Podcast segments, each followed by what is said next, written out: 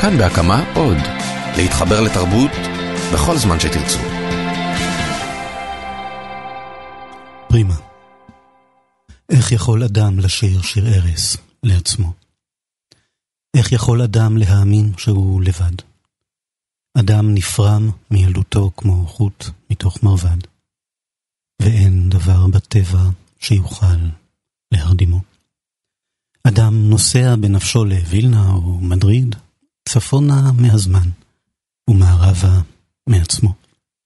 אדם בונה גונדולות ומפליג לווריד לווריד, ואין דבר בטבע שיוכל להרדימו.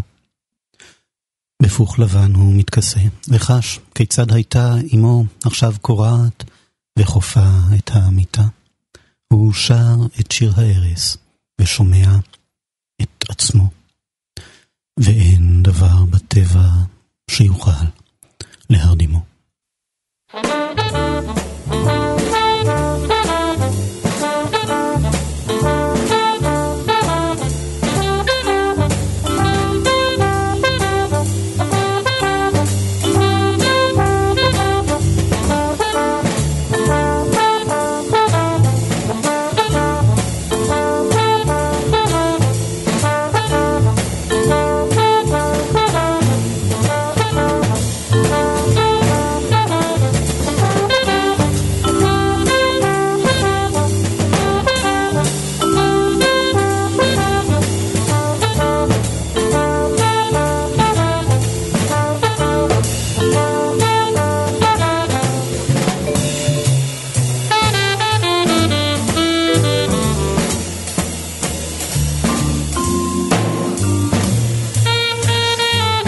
נולד בשנת 71, פרסם שירים כשהיה בן 19-20, תרגומים כבר בגיל 17.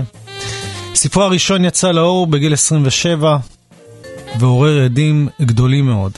עיקר פרסומו אולי גם כמובן בעקבות המניפסט שכתב בזכות החריזה והמשקל הקבוע, והשבתם למרכז הכתיבה השירית. כאמור, מהלך שגרם לפולמוס גדול, מאבק לשוני ובין דורי, יצרי מאוד, שעוד נדון בו.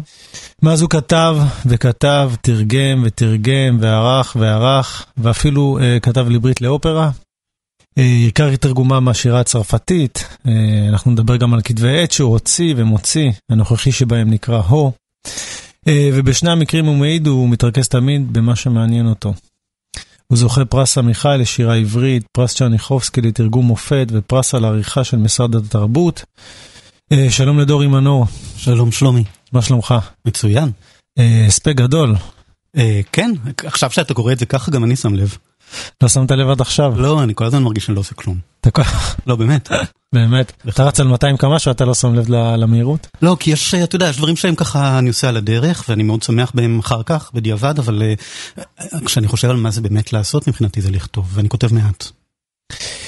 אנחנו עוד נדבר למה בעצם אתה כותב מעט, אבל כאמור אתה לא מתרכז גם בזה, כל פעם שאתה כותב אתה גם מפרסם בדרך כלל במקביל גם תרגומי שירה. נכון.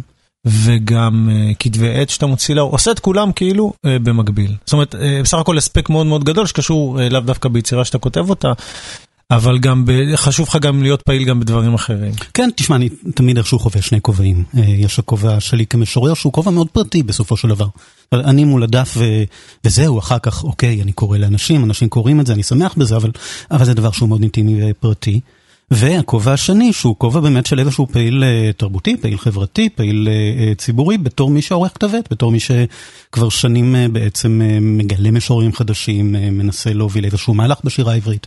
אז שני כובעים שהם לגמרי לא יושבים על אותו ראש בעצם. הם לא יושבים על אותו ראש, אבל כשהם יוצאים ביחד, הם, אתה בעצם מכריז ואומר, הם משלימים אחד את השני. נכון. אני מנסה בכל אופן להשלים אחד את השני, כן. בסדר גמור, בוא נחזור רגע למיעוט לספר הראשון שלך, שיצא בשנת 2000, 2001. 2001. ועורר כאמור מאבק יצרי. כן, די גדול. אני מסתכל על זה לאחור, וכן, בעצם מה שהיה אז זה שהספר יצא והיו מיד גלים של אהדה גדולה וגלים של תיעוב. בוא ניתן קצת רקע, בוא תסביר לנו על הימים מהם שחיית אותם בשיא הרגש באותו זמן, מי שלטו בכיפה, זך, רביקוביץ', פספסתם מישהו? תראה, אנחנו לא מדברים על כזה פרה-היסטוריה בעצם, אנחנו ב-2001, מי שעורך מוסף הספרות של הארץ, הוא אותו עורך של היום, בני ציפר, הוא יוצא במין הכרזה, כאשר הספר שלי רואה אור, הוא יוצא בהכרזה שזה קו פרשת מים בשירה העברית. משום ש... משום שככה הוא החליט, שהוא החליט שהוא כתב שחמישים שנה אחרי שנתן זך שבר את המוזיקליות של השירה, הנה בא דורי מנור ומתחיל מחדש איזושהי מוזיקליות. אני אגב לגמרי לא הייתי שותף לאקט הזה שלו, אבל בסדר, הוא פרסם. אתם הכרזתם על זה בעצמכם בכמה מניפסטים, וגם די ברור שיש פה איזושהי שבירה. של לכאורה, לכאורה אני אומר, אנחנו נדון בזה רוח חופשית בכתיבה שלא סוגרת את עצמה במשקל קבוע או בחריזה או משהו כזה. ובאתם ואמרתם משהו וזה הכיס לא מעט, כמובן אם בני ציפר הוסיף יש למדורה או לא, נראה לי שבכל מקרה זה כבר היה. גם היו מניפסטים, אתם כתבתם, זה נכון, זאת אומרת אנחנו בשנות התשעים אנחנו, זאת אומרת זו חבורה של משוררים, משוררות צעירים שפעלו איכשהו יחד כשהיינו בני עשרים. והיה לנו אקט משותף כזה של לנסות להאיר את השירה העברית שהייתה אז במין תרדמת ממושכת, ממש שנים של בצורת, השנים שלתוכן אני גדלתי בשירה העברית היו שנים של בצורת במידה רבה מאוד. היום זה שונה לחלוטין, תודה לאל, אבל אני מדבר על שנות התשעים. בצורת בגלל משהו מסוים או שנראה שהם איבדו פשוט את הכיוון ואתם מצאתם איזשהו משהו שיכול להחזיר טיפה... הייתה עייפות. היה מדבר, לא היה מוזיק, לא הייתה מוזיקה אה, לשירה בכלל, הייתה, אתה יודע, טי.אס אליוט דיבר אה, על אה, כך שכאשר שוברים את המשקל והחרוז, צריך שעדיין תרחף מעליך רוח הרפאים של המשקל והחרוז. אז בשנות החמישים הייתה רוח רפאים כזאת. נתן זך כתב, כשרוח רפאים מרחפת מעל פני המים שלו. אבל בשנות התשעים כבר לא כתבו ככה, כתבו מתוך איזשהו אוטומטיזם עייף, עייף, עייף ויבשושי, ארץ חררים ממש... בלי רוח הרפאים הזו. שום דבר, ממש כלום. ו, ונגד זה קמתם והתרחתם. כן, עכשיו כמובן תלוי מי, וכמובן היו משוררים מצוינים, והיו, כמובן, אני בהכללות מדבר, אבל אנחנו כרגע מדברים הכללות. ואז 2001 יוצא הספר שלי, ציפר אומר מה שאומר, ונתן זך קם בחרון אף, ממש ככה כותב מאמר שהיום אני קורא אותו, לקראת התוכנית הזאת קראתי אותו שוב, ואני די מזועזע מה... חייב להודות שגם אני שמעתי, הכותרת הייתה... הוא כתב שם דברים כמו חורז שוקל ומתרומם, כן, מין מאמר הומופובי מזעזע ממש, אני לא יודע אם היום היה מתפרסם. אבל אולי כן, לא יודע, כי זה בכל זאת אייטם, זך כותב דברים כאלה בוטים, אבל הוא כתב שם דברים באמת מרחיקי לכת, נגד הכתיבה בחרוז, נגד הכתיבה במשקל. הרבה אנשים, זה עשה להם איזשהו פלשבק למאבק של זך עשרות שנים קודם מול אלתרמן. זך תקף בשצף קצף, ואז... ולא רק הוא, אני, אני, אם אני זוכר נכון ומבין נכון, תוך כדי גם התחקיר שעשינו, זה היה ידוע, רציתי לדעת מה ההיקפים, לא מעט. טמנו ידם בצלחת, אפשר להגיד. כן, כן, היו פשוט שמונה שבועות רצופים בארץ, של... שבוע אחרי שבוע של ככה פולמוס גדול, עז, מסעיר. אני ישבתי באותו זמן בפריז ולא ידעתי את נפשי. כל אותו זמן אתה בפריז. אני... זה כאילו הרגשה של לינץ', סליחה שאני שואל, יכול להיות, כי בסך הכל היית לבד שמה, כן. יחסית. ופה מתעורר איזשהו פולמוס שהוא יצרי מאוד, הוא אה, אישי מאוד, ובסך הכל על שירה. על שירה ועל ספר ראשון, בסופו כן. של דבר ספר ראשון שלי. ואמרנו שמצד אחד זה משהו שהמשורר היה שמח שיקרה, אני חושב שבמובן מסוים כל משורר שמוציא פה ספר היה רוצה שהספר שלו אה, יעשה איזשהו רעש. ולקבל תעודה, ברור, זאת אומרת, אני לא אהיה צבוע בעניין הזה, מאוד שמחתי ברמה הזאת. זאת אומרת, רציונלית חשבתי שזה דבר נהדר לספר, נהדר להיכרות של אנשים עם השירה שלי, בוודאי, אבל... אבל לא הייתי עושה את זה עוד פעם. באמת? עד כדי כך? עד, כן, זאת אומרת, זה עבר לי מאוד מאוד קשה, באמת, מאוד קשה, איכשהו, אתה יודע, החשיפה הזאת, ההתקפות האלה. אז נכון, היו גם uh, אנשים אחרים, קיבלתי לפריז מכתב יפהפה, שאני שומר עד היום מדלי רביקוביץ', ש, שכתבה לי שהיא מכירה את זך עשרות שנים, ו, ואין מה לעשות, ככה זה זך, אבל היא אוהבת את השירה שלי, והיא יודעת שיש לי מה להגיד, ואתה יודע, דבר כזה זה דבר שאתה שומר איתך כל החיים אחר כך. Uh, וגם בעיתון הארץ היו תגובות לפה ו, ולשם, ו... Uh, בכל אופן הייתה תחושה שקורה משהו, שקורה משהו משמעותי בשירה, ואני אסיר תודה על זה, אבל בעת ובעונה אחת הייתה לי תחושה מאוד מאוד קשה. אני כבר לא יכול לכתוב לעצמי, אני כבר לא יכול להיות באמת אני הכותב ש, שלא כל דבר שהוא מפרסם מיד הופך להיות מין פולמוס מזעזע כזה ו, ויצרי, וחיפשתי אחר כך שנים את האפשרות לחזור ולהיות אני הכותב הפרטי. ולפני שנחזור לזה, אני רוצה שנייה לחזור לשיר שהקראת, אנחנו נחזור ונדבר על זה קצת. אה, שיר שבשורה האחרונה שלו חוזר המשפט, אה, אין שום דבר בטבע שיוכל להרדימו, ואני מסתכל עליך ולמדתי אותך קצת, ואני זוכר שגם בשיחות שלנו התרעמויות על מורים, מורות לספרות. אמרתי לעצמי, דורי מנור גם התעורר, הוא מסוג האנשים שהתעוררו יום אחד, וזהו, אי אפשר להרדים אותם. הם יגידו מה שהם חושבים, הם יעשו מה שהם רוצים. זה לא משהו כאילו שאתה יכול לשלוט בו. זה נכון, כן, אני, אני בעיקר לא נרדם. אה, לא, גם בחיים, אני בקושי ישן. אה, והתחושה הזאת של משהו שבוער בתוכך ואתה צריך להגיד אותו, היא תחושה שקיימת מאוד מאוד חזק, באופן מאוד חריף. ואם אתה חוזר למורים שלי בתיכון, אז באמת אז זה התחיל. אני בן 15, אני בן 16, אני בשיעורי ספרות, משועמם עד מוות, שום דבר לא מעניין אותי. אה, עד שיום אחד אה, איזו מורה בשיעור ספרות אומרת לי, היום כבר לא כותבים אה, חרוזים, היום כבר לא כותבים במשקל, ואני זוכר את הרגע הזה שאני אומר, רגע, למה? למה? למה בעצם היום כבר לא? מה זה הדבר הזה? איזו מין... אמירה. זה כמעט הדיקטטור הראשון שתלמיד פוגש בחיים, זה המורה לספרות. נכון. משהו כזה. היא הייתה הדיקטטור הראשון שלי ואיכשהו נגדה. סליחה, אני חלילה לא מתכוון לצאת נגד מורים ומורות לספרות ששומעים אותנו, אבל מדי פעם ככה זה נדמה, גם אני זוכר מין אמירות כאלה, זה לא עושים היום וזה כן עושים. תשמע, היום אני מסתכל על זה לאחור, גם פגשתי אותה לא מזמן, אה, אחרי המון שנים, את אותה מורה, ואני יודע שהיא עשתה דבר נפלא, והיא עשתה אותו במודע, היא הייתה מורה מעולה. כשאני מסתכל על זה לאחור, בעצם היא, היא עוררה אותי, היא גרתה אותי לגמרי במודע, למחשבה, למרד, היא עשתה בדיוק מה שצריך לעשות עם ילד בן 16. ככה שהיום במבט לאחור אני יכול רק להגיד לה תודה. אבל הייתה לי עוד מורה, מורה לצרפתית דווקא, שיעור צרפתית, וצרפתית אני מוכרח להגיד שלא ידעתי מהבית, לא ידעתי אף מילה. ההורים שלי לא דוברי צרפתית. אה, אבל דרך אותה מורה נהדרת שהייתה לי, שמעתי פעם ראשונה מה זה שירה. כיתה י' או י"א, אני כבר לא זוכר.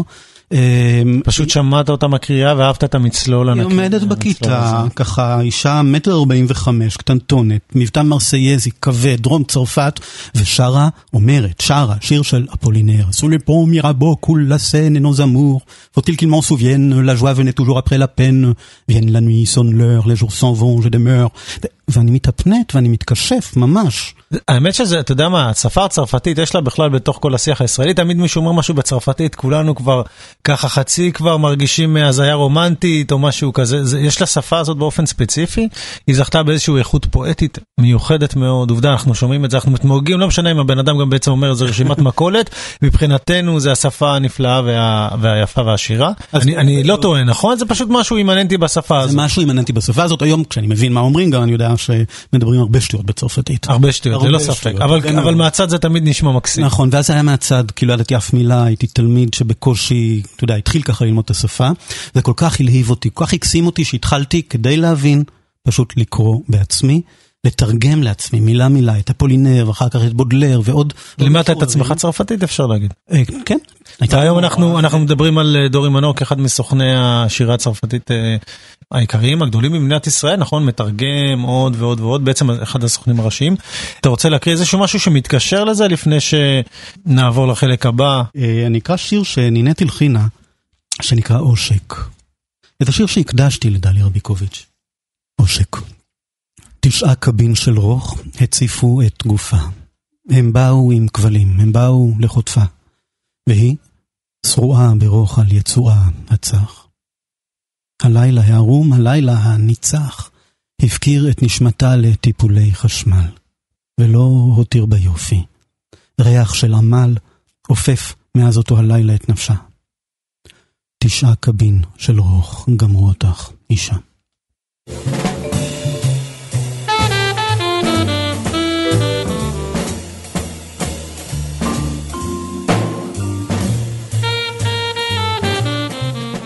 ברית מילה עם דורי מנור, אה, לשמחתנו הפסיק לעשן. גם את, אה, גם את ההרגל הזה הוא התחיל אה, מגיל מאוד מאוד צעיר, מגיל 14. משהו כזה, כן. איזה סיגריות? אה, זה השתנה עם השנים. בצרפת היו צרפתיות, בארץ היו אה, כל מיני. אנחנו מחזיקים לך אצבעות. אה, שתפסיק עם ההרגל המגונה הזה, כולנו נראה לי פה מנסים להפסיק לעשן. דורי מנור. במבול, לא נלקחתי לתיבה, שנינו לא נלקחנו. הבל אישוני אני. זה מה שאנחנו. אתה יודע, הייתה לי איזושהי תחושה, אני רוצה לשתף אותך. אני קראתי את השירים וגם שמעתי איזשהו, את המאבק הבין-דורי הזה, היצרי ולפעמים המזעזע הזה. והייתה לי איזושהי תחושה בזה שהחזרת את המשקל הקבוע ואת החריזה שהם בסופו של דבר עוד אלמנטים שלכאורה אפשר להגיד הם אה, אה, יותר מחמירים איתך או עם מי שכותב, הם שמים אותו באיזשהו מקום אה, שבו הוא צריך להחשיב אלמנטים יותר קשים ובתוך זה לכתוב. וכשאני קראתי את זה ואני מכיר אותך, אני אמרתי לעצמי, זה גם באיזשהו מקום גם מסמן את מי שאתה, אולי מסמן גם את הזהות המינית שלך לבוא ולהגיד לדור הזה, סליחה, מה אתם משחקים אותה? כאילו, אתם כאלה משוחררים, ואתם כאלה בלי, אה, כאילו בלי, אה, בלי איזשהו עול, או, או אפשר להגיד אה, חוק, חוקים או משהו כזה, הנה מגיע משורר, אה, הומוסקסואל. ובפעם הראשונה שאתם רק צריכים בכלל אה, לבוא איתו בדין ודברים, אה, יוצא למשל מנתן זך אה, מין אמירות הומופוביות מאוד מאוד קשות. ובעיניי זה כאילו היה מין הצבת מראה, כאילו אתם לא כאלה חופשיים.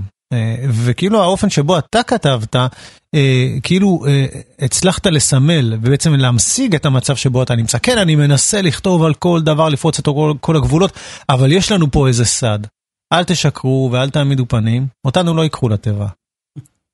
מאוד מעניין מה שאתה אומר, ממש ממש מעניין. אני חושב שאתה עולה כאן על משהו מאוד נכון, מאוד מדויק. אה, הצורה אה, של השירה משלב מאוד אה, מוקדם העסיקה אותי. לא רק הקטע של חרוז ומשקל, זה בוודאי, אבל בכלל צורניות, מוזיקליות של שירה, זה הדבר שהכי חסר לי כשדיברתי איתך קודם על, על הבצורת שהרגשתי בשירה העברית בשנות ה-80-90 לצורך העניין. אה, אז בעיקר אה, אה, בזה זה בא לידי ביטוי. אתה עושה את הקישור להומוסקסואליות, יכול להיות שיש בזה קשר. תראה, הספר הראשון שלי נקרא מיעוט, והמיעוט שאני מדבר עליו זה קודם כל המיעוט ההומואי, הלהט"בי מה שנקרא היום, אבל, אבל לא רק המיעוט הזה. בעצם אני מדבר על, על כל המיעוטים האפשריים, אתה יודע, אדם במיעוט של עצמו, כל אחד מאיתנו הוא מיעוט של עצמו. משוררים הם תמיד מיעוט. תמיד, תמיד. אה, והמראה שניסיתי להציב דרך אה, הבחירה הזאת הצורנית שלי, אני חושב שבהחלט הלכה יד ביד עם הרצון אה, הזה להכריז על היותו של המיעוט מיעוט. שני דברים שבאמת, אני חושב שבאינטואיציה שלך אתה אומר דבר מאוד מאוד מדויק. ואנחנו מדברים פה על תל אביב, הנאורה, כביכול בסך הכל השדה התרבותי אה, שרבים אה, סולדים ממנו כבר, אבל באותו זמן אה, אמור להיתפס כאיזשהו שדה נאור, שהתגלה כלא נאור בכלל. ממש לא נאור אז, בטח גם היום, אה, אתה יודע, עוד פחות נאור. תראה, כשאני גדלתי אה, בתל אביב, אז אה, לא היו הומואים נראים. ואני לא מדבר איתך על שנות ה-30 של המאה ה-20, כן? אלא? מדבר על אה, שנות ה-70-80. מי הכרתי? ידעתי על זלמן שושי? היחיד. היחיד, פחות או יותר. שנפטר לא מזמן. שנפטר לא מזמן, כן, היה איש יקר. וידעתי שיש איזה דייל, שכן של ההורים שלי, שאומרים ש... אתה יודע. בזה זה הסתכם, לא היה... שום, לא הייתה שום דמות שיכולתי להזדהות איתה, שום דמות שיכולתי לשאת אליה עיניים. אה, מהבחינה הזאת, אה, לגדול כהומו בתל אביב בשנות ה-80 זה לא היה דבר כל כך פשוט. זה היה מיעוט לכל דבר ועניין, אבל זה בדיוק כמו לגדול כמשורר, בסופו של דבר בעצם. אה, זה לגדול כ... זה גם משהו שעלולים לגדף אותו. כל הדברים יחד. כן, אתה יודע, המשוררת הרוסייה מרינה צוותאייבה אמרה פעם שכל המשוררים הם יהודים. כן, עומקו של דבר, כל המשוררים יודעים, וזה נורא נכון. אה, אז, אה, אז כן, ואז אני בא עם, ה, אה, עם המשקל והחרוז שלי. אז, על רקע התקופה ההיא, אני בדיעבד חושב שלא במקרה משורר הומו, או משורר שהוא באופן מובהק בן מיעוט, מצא לנכון לחשוב מחדש את הצורה שנתן זך פרה ופרם. אני חושב שגם כמובן הכעס והתרעומת היו גדולים, כי אתה משורר טוב. וזה בלשון המעטה, כי אנחנו לא מחלקים פה מחמאות אה, אה, פנים אל פנים, אבל הבעיה היא שאתה מצליח לעשות את זה בצורה נפלאה. וזאת לכאורה הייתה, אני חושב, איזושהי בעיה. זאת אומרת, מישהו שמגיע לאיזושהי צורה שאנחנו לא כל כך מסמפטים, ולעזאזל. אה, הוא מצליח לעשות בנפלאות בשפה העברית, שהיא אה, לא שפה קלה, אני חושב, אה, לדעת כולם. אז קודם כל תודה ו... והבכת אותי, אבל אה, אה, אני חושב שבמשקל ובחרוז יש משהו מדיד. יש משהו שאתה יכול לראות אם הבן אדם מחרטט או לא, מאוד בקלות. בסופו של דבר כשאתה קורא שירה מיומן אתה יודע גם בשיר שהוא כתוב בלי שום חרוז ובלי שום משקל אם הבן אדם מחרטט או לא. כן? אתה, אבל אתה צריך להיות יותר, יותר מיומן. כשמדובר בשירה בחרוז ובמשקל, אתה תכף ומיד רואה אם זה איזה חרזנות של אה, ברכה לבת מצווה, או אה, שזה, שזה שיר. הרבה פעמים גם בעצם, אני, חושב על זה, ללכת נגד הזרם, שזה יכול להיות גם בחירה אומנותית, היא גם בחירה נכונה, כאילו אני רוצה לשנות, אני לא רוצה להיות כמו כולם. זה נכון, אני רוצה לשנות, אני רוצה אה, לחיות אה, באופן אה, שונה מכולם, מתוקף העובדה שאני אה, משורר, מתוקף העובדה שאני אה, בן אה, למיעוט כזה או אחר, וגם מתוקף העובדה שזה מעניין אותי אומנותית. זה לא רק, תראה, זה לא... זאת אומרת, אה, באמת הוספת לעצמך אתגרים, כי לא רצית להיות במקום שבו אתה אומר, אה, יכולת לכתוב בלי איזשהו אתגר שמחייב אותך להוציא את המיטב כשאתה נכון. כותב. נכון, נכון, האתגר הזה היה לי משמעותי מאוד. אה, ועוד פעם, תראה, משלב מאוד מוקדם אהבתי משוררים ומשוררות שכותבים בשירה, אה, כותבים בחרוז ומשקל, כותבים בלי חרוז ומשקל, זה בכלל לא הסיפור. מה שרציתי זה שתהיינה אפשרויות נוספות, ושלי תהיה אפשרות נוספת. עוד פעם, אני חוזר לאותה מורה שאמרה לי, היום כבר לא, לא כותבים ככה. מה זה לא כותבים ככה? כן כותבים ככה. אה, מישהו עסק לפניך במיניות, בזהות הומוסקסואלית, בשירה? כן, בטח. באופן כל כך אה, רציף? התחיל ביונה וולך בשנות ה-60, ואחר כך חזי לסקלי, והיו אה, כמה וכמה. הרגשת שאתה מנהל איתם דיאלוג? אז לא, היום כן. היום הרבה יותר. אבל ניהלתי דיאלוג, אתה יודע מה, אה, אם יש משורר עברי שניהלתי איתו דיאלוג ואני מנהל עד היום, צריך ללכת הרבה לאחור, זה רבי שמואל הנגיד. אה, רבי שמואל הנגיד אה, במאה ה-11 לספירה, שהוא אחד המשוררים שאני הכי אוהב, ואחת הדמויות שאני הכי אוהב, כי הוא היה, אתה יודע, הוא היה מצביא, הוא היה שר צבא, רמטכ"ל, הוא היה גם שר אוצר, והוא היה גם מין ראש ממשלה כזה, והוא היה פרשן גדול של, ה, של התלמוד, והוא היה משורר אדיר, יחד עם כל זה. הוא היה הומו. הוא היה הומו, זאת אומרת להגיד היום על מישהו במאה ה-11 הומו, זה, זה קצת מצחיק. וגם מישהו שהיה בתפקיד אה, מאוד אה, צבאי. אה, אבל אנחנו באמת גם, תראה, לא יכולים להגיד הומו כי זו מילה שהומצאה רק במאה ה-19, אבל באופן אנכרוניסטי, בוטה, אני אגיד שהוא כתב שירי אהבה אה, חד מיניים. הוצאתי לפני שנה יחד עם רונן סוני, אתה זוכר בעל פה בטח. שירה להט"בית. כן. ושם יש לא מעט שירים, גם של שמואל הנגיד, וגם של רבי יהודה הלוי, ו- ואבן גבירול. זאת אומרת שיש מסורת כתיבה עברית יהודית ארוכה מאוד, הומואירוטית, הומואירוטית, בפירוש. והיה חשוב גם בעצם לחבר את הנקודות האלה כדי להבין שמדובר במשהו רציף, ולאו דווקא באיזה שהם הבלחות. אתה יודע, באותה מידה שאתה, ש- שציטטת את, ה- את מי שאמרה שכל המשוררים הם יהודים, אפשר גם להגיד כל המשוררים הם הומואים, כי באיזשהו נכון. מקום אתה צריך להיות במצב נפשי מאוד מאוד מאוד מסוים, לפעמים חריג, כדי לשבת ולעשות מעשה שהוא לכאורה לא מקובל. גם היום השירה היום נמצאת באיזושהי עדנה מסוימת. נכון. השירה היום אה, היא אה, נמצאת במצב שהוא הפוך לחלוטין ממה שתיארתי. היום זה מיינסטרים לחלוטין. כל המשוררים הם סאחים היום צריך להגיד. כן, זה ממש ככה. לא, אבל תראה, אני חושב שמסביבות שנת אה, 2000 וקצת, ו-2005 זו השנה שבה הייתי שם את, אה, התאריכון ממש כדי להגיד שמשם ואילך, אה, הדברים השתנו באופן אה, מאוד מאוד... אה, כן, כתבת באחד השירים כל המשוררים הם סטרייטים, זה תחילת התקופה הזאת בעצם, שכל המשוררים אה, נתפסים כבר... אה, אמרתי דבר יותר מרחיק לכת, אמרתי סטרייטים הם גזע מוגבל, עובדה. כן, אבל זה היה כדי לעשות... זה, כבר, אז טוב, אנחנו נפתח פה דיון משמעותי ועקרוני מאוד. כן. אני רוצה לגעת בנקודה לקחת אותי אחרת, קצת- כן. באמת קצת יוצא דופן, שוב בעקבות איזשהו פוסט שכתבת בפייסבוק, דיברנו על זה. יש לך גם ביקורת על הקהילה הלהט"בית, שחשוב לך להשמיע אותה. אולי קודם תתחיל ב- בלהגיד בעצם אה, אה, מהי הביקורת הזאת, אה, שהיה מאוד מאוד חשוב לך אה, בעצם להשמיע כנגד השמעת הקול. אני חושב שהקהילה הלהט"בית אה, הלכה והתקרנפה בשנים האחרונות בארץ. הקהילה הלהט"בית מאוד נהנתה מהעובדה שיש לה איזשהו אה, מקום יותר אה, פתוח, יותר גלוי, ש, שלא תוקפים אותה, והיא, לא רק שהיא איכשהו אה, התלהבה מהמעמד הנורמטיבי האפשרי הזה, אלא שהיא התאהבה בכלל באופציה של להיות מיינסטרים. כן. והלכה ונהייתה אה, מין אה, אה, קהילה, במקרה הטוב אה, אה, יאיר לפידית, במקרה הרע אה, גזענית ולאומנית, מתוך איזושהי מחשבה ש... אה, שזה מה שיכניס למיינסטרים. בדיוק, נורמטיביות באמת- בארץ היום, 2016, זה אומר להיות גזען, וזה אומר להיות לאומן, וזה אומר אה, להיות אה, כמו כולם, כן? ו, אה, וזה דבר שהלך ו, אה, ונהיה יותר ויותר אה, בוטה בקהילה. ומה שמדהים במה שאמרת לי, וזה אני חושב מה שזעזע אותו, זעזעת- זעזעת כשאמרת לי, מה שאמרת בסוג של אירוניה כמובן, אני אומר את זה מראש, אמרת מזל שיש ערבים, מזל שיש מזרחים. אה, כי כאילו אה, אנשים לא שמו לב שהאפשרות הזאת להיכנס לתוך המיינסטרים היא רק הודות לזה שיש גזענות מאוד מאוד מאוד קשה היום כלפי אוכלוסיות אחרות, ואתה אומר תיזהרו, כי מתישהו הם ייזכרו שאנחנו קיימים. תראה, הם כבר נזכרים, הם כבר נזכרים, זאת אומרת, גזענות לא עוצרת בשום מקום, אין לגזענות גבולות. וגזענות לא רואה בעיניים בהגדרה, ויש בארץ בשנתיים שלוש האחרונות כמה וכמה תופעות אה, מאוד מדאיגות גם בקטע הזה. זאת אומרת, אם אתה חושב על לפני כמה שנים הרצח בבר נוער בתל אביב, אם אתה חושב על אה, מה שקרה במצעד הגאווה בירושלים, יש כאן רציחות על רקע הומופובי. יש, בשנים האחרונות, בפירוש. אה, יש לא מעט תקיפות. עכשיו, ברור שהרבה יותר קל להיות הומו בתל אביב מאשר טראנס בפריפריה. אין שאלה. אבל אה, עוד פעם, הגזענות לא תעצור לא פה ולא שם, לא בפריפריה של הטרנסים ולא בהומים של תל אביב, כי גזענות היא גזענות. בוא תקריא לנו שיר, תרכך אותנו בחזרה, דורי. שפת האהבה.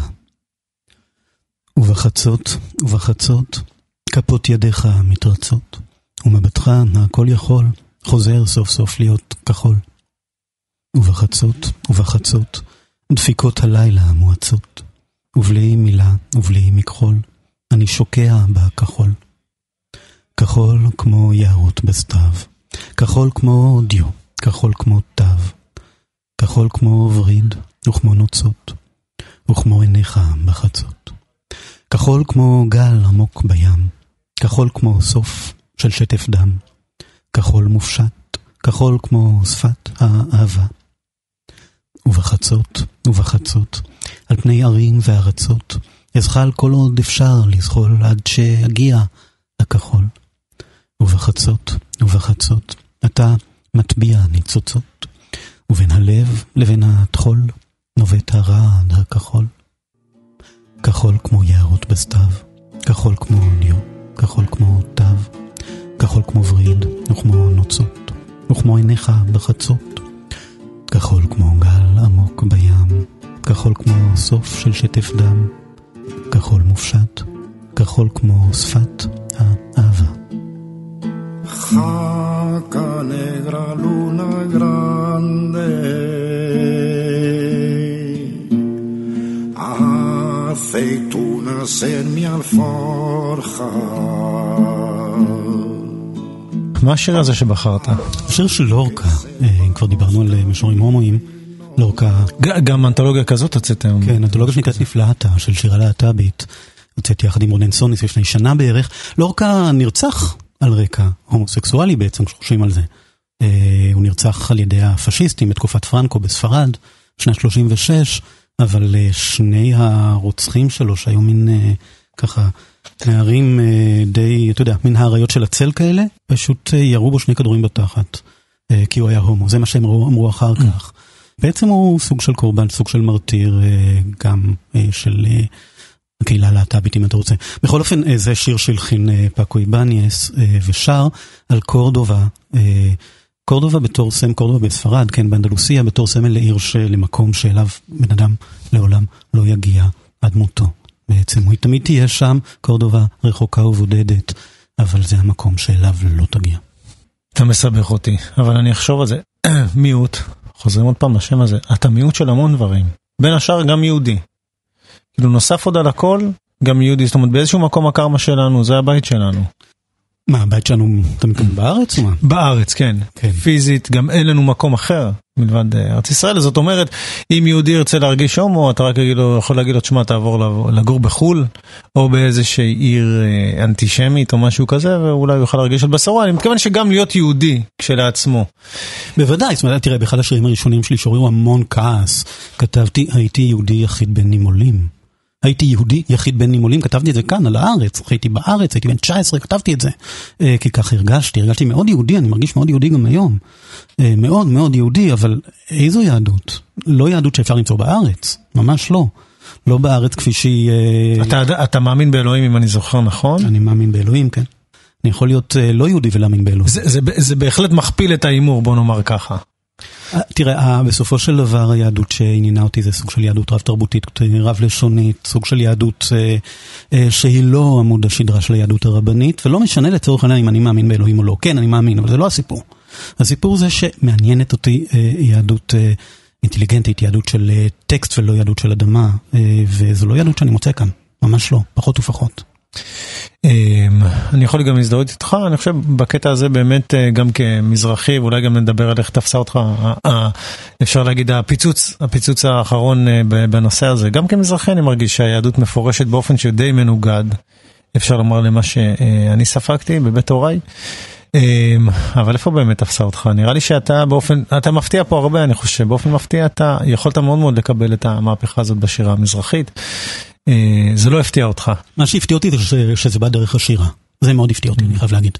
אה, שזה מפתיע כשלעצמו, שציפית לראות את זה במקומות אחרים. קיוויתי לראות את זה בעוד מקומות, זה בטוח. זאת אומרת, המחאה המזרחית זו מחאה שאני מזדהה איתה לחלוטין.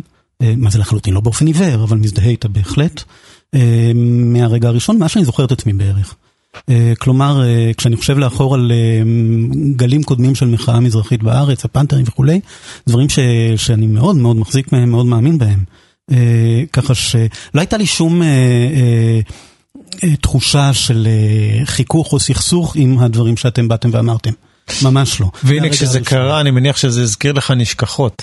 זה הזכיר לך בעצם את מה שעברת לפני 15 שנה. במידה רבה מאוד, כן. זאת אומרת, סוג ההתקפות שאתם נתקלתם בהם, בהחלט הזכירו לי את ה... אתה יודע, אפילו הפולמוס מעל דפי תרבות וספרות.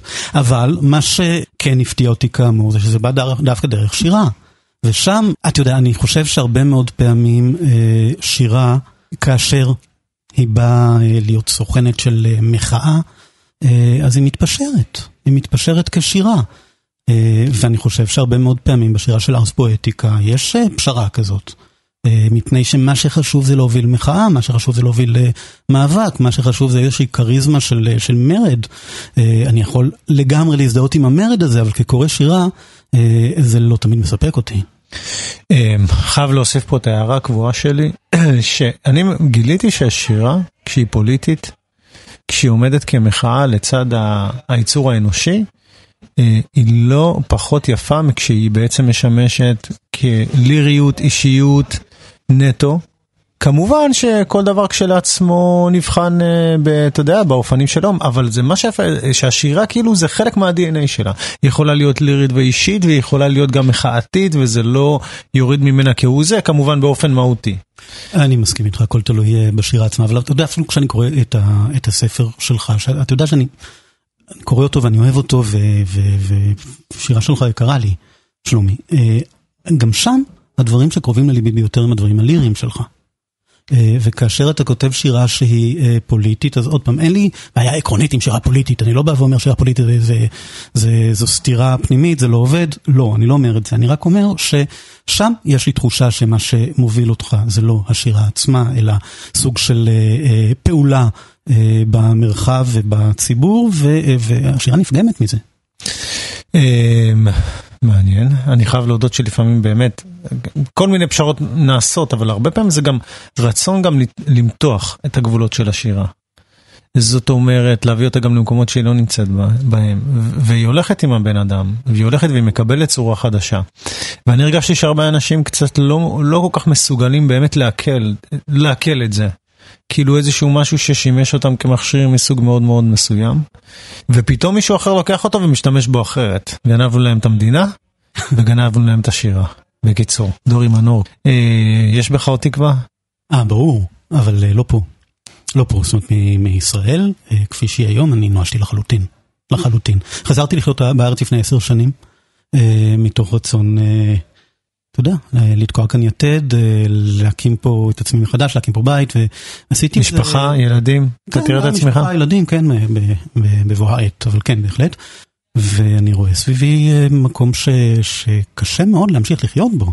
עכשיו, יותר ויותר אנשים מהאנשים שאני אה, מכיר, מעריך, אוהב, בני הדור שלי, בני הדור שמתחתיי, כבר לא כאן. יש פחות ופחות אנשים שמרתק לדבר איתם כאן בכלל, אני כבר לא מדבר על דברים אחרים, ומה שאני רואה כאן אה, ברמה העקרונית מייאש אותי לחלוטין. זה דברים שבחו"ל הרגשת שהם אה, אחרים קצת? כן.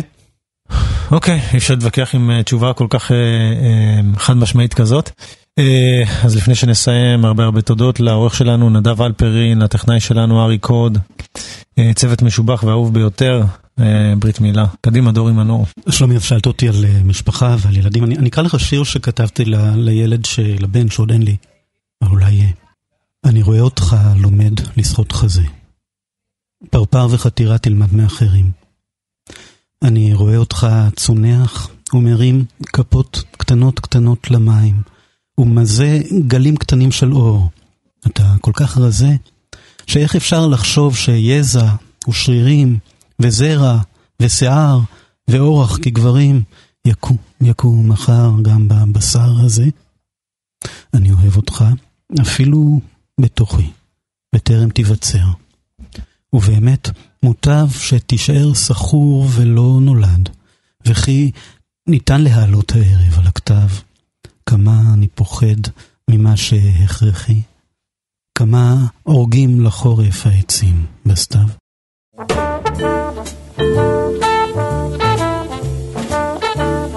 כאן בהקמה עוד. להתחבר לתרבות בכל זמן שתרצו.